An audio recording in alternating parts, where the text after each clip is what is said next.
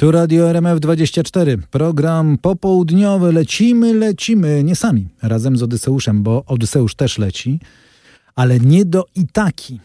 Odyseusz, sonda kosmiczna, leci na Księżyc. Jak dobrze pójdzie, a na razie idzie bardzo dobrze, to dzisiaj wyląduje na Księżycu. Dzisiaj późnym wieczorem naszego czasu w pobliżu południowego bieguna. I to będzie pierwszy amerykański pojazd na Księżycu, na Srebrnym Globie od 1972 roku. Hmm?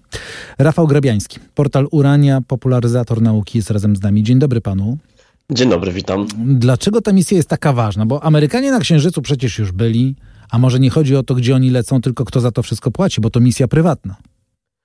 E, oj tak, jest to misja prywatna, ale też e, można powiedzieć nie do końca, bo mm, tak jak e, tutaj pan wspomniał, Amerykanie rzeczywiście na Księżycu byli. Mm, amerykańska agencja NASA prowadziła program Apollo, gdzie w końcówce lat 60. i 70. na tym Księżycu rzeczywiście lądowaliśmy załogowo.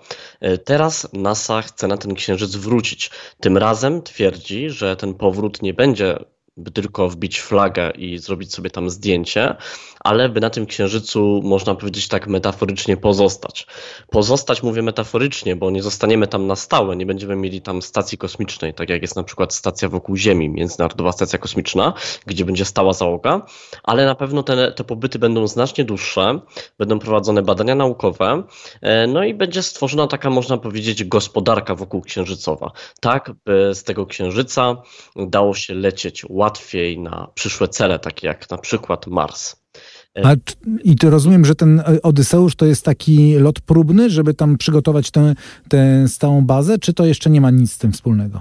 E, tak, to, to jest lot próbny. E, lot lądownika Odyseusz jest misją programu CLIPS. To jest taki program NASA, w którym NASA troszeczkę zmienia mm, sposób, w jaki e, planuje misję. Bo kiedyś mieliśmy do czynienia z tym, że agencja zatrudniała wykonawców, miała pełną kontrolę nad projektem, miała pełne jakby prawo do tych rakiet i statków, które były budowane za pieniądze agencji. W tej chwili troszeczkę zmienia się podejście, dochodzi do komercjalizacji.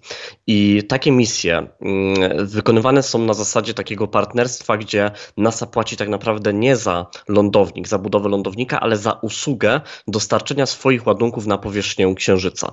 I CLIPS jest jednym z takich programów, gdzie NASA już nie płaci za zbudowanie samochodu, ale można powiedzieć płaci za taksówkę. Prywatna A, taki firma, Uberek kosmiczny, tak. rozumiem. Dokładnie, dokładnie. Prywatna firma tutaj mm, buduje ten lądownik. NASA się za bardzo nie wtrąca w to, w jaki sposób on jest e, zbudowany. Oczywiście są tam pewne, pewne obostrzenia co do tego, ale generalnie NASA jest zainteresowana tylko tym, by ten ładunek dostarczyć. I te ładunki, które dostarcza, e, te komercyjne lądowniki, to jest druga próba, bo pierwsza, pierwsza w tym roku już była, ale niestety nieudana innej firmy.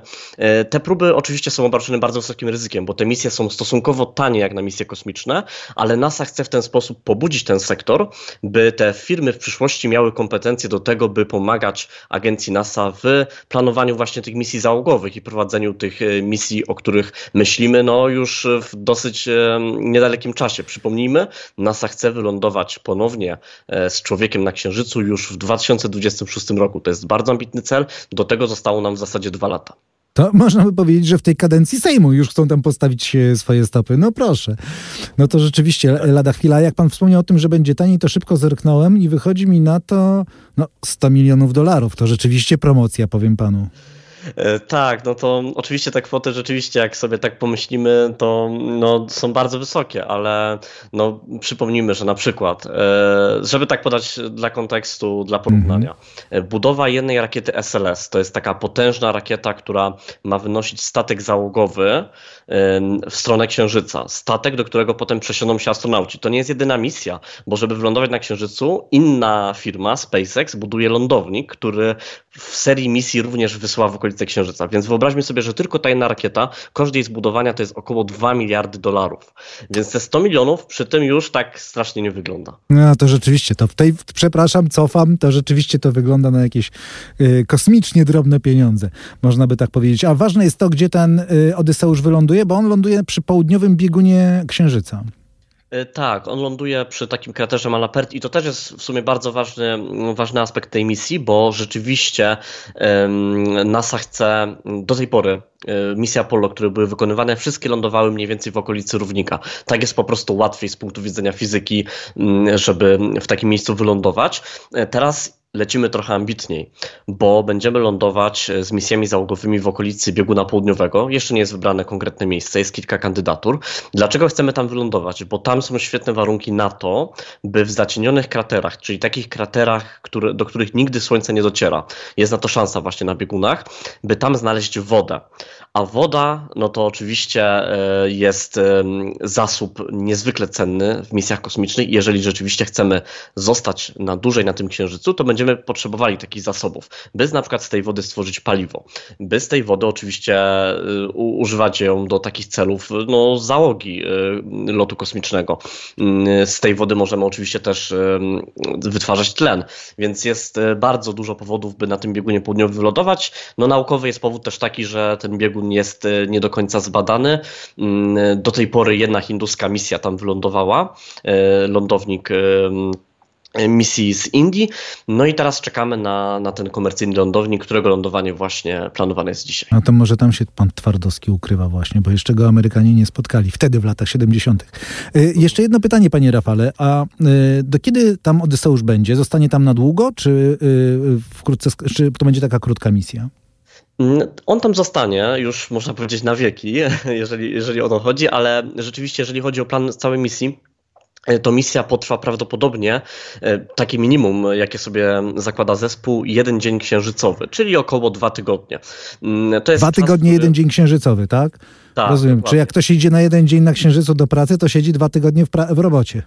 Tak, dokładnie. No niestety, to są takie warunki tam. E, I jeszcze gorzej. To nie chce pracować na księżycu.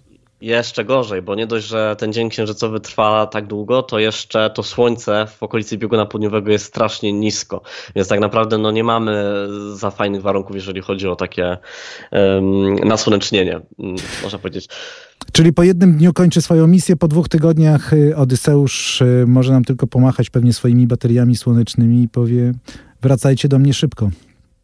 E, tak, ale mm, to jest też e, nigdy wielka niewiadoma zawsze misji kosmicznych, bo może się okazać, że po nocy księżycowej, bardzo długiej, zimnej nocy, gdzie e, no, baterie nie mogą być ładowane, ta elektronika się wyziębi, oczywiście zespół misji będzie próbował pobudzić lądownik i jak w przypadku wielu misji kosmicznych, które były planowane, no, sztandarowy przykład, misje marsjańskie łazików MER na początku XXI wieku były planowane na 90 dni. Te łaziki działały kilkanaście lat, więc e, w misjach kosmicznych nigdy nie wiadomo i zazwyczaj te oczekiwania są niskie, ale potem lądowniki księżycowe mogą e, zaskoczyć pozytywnie.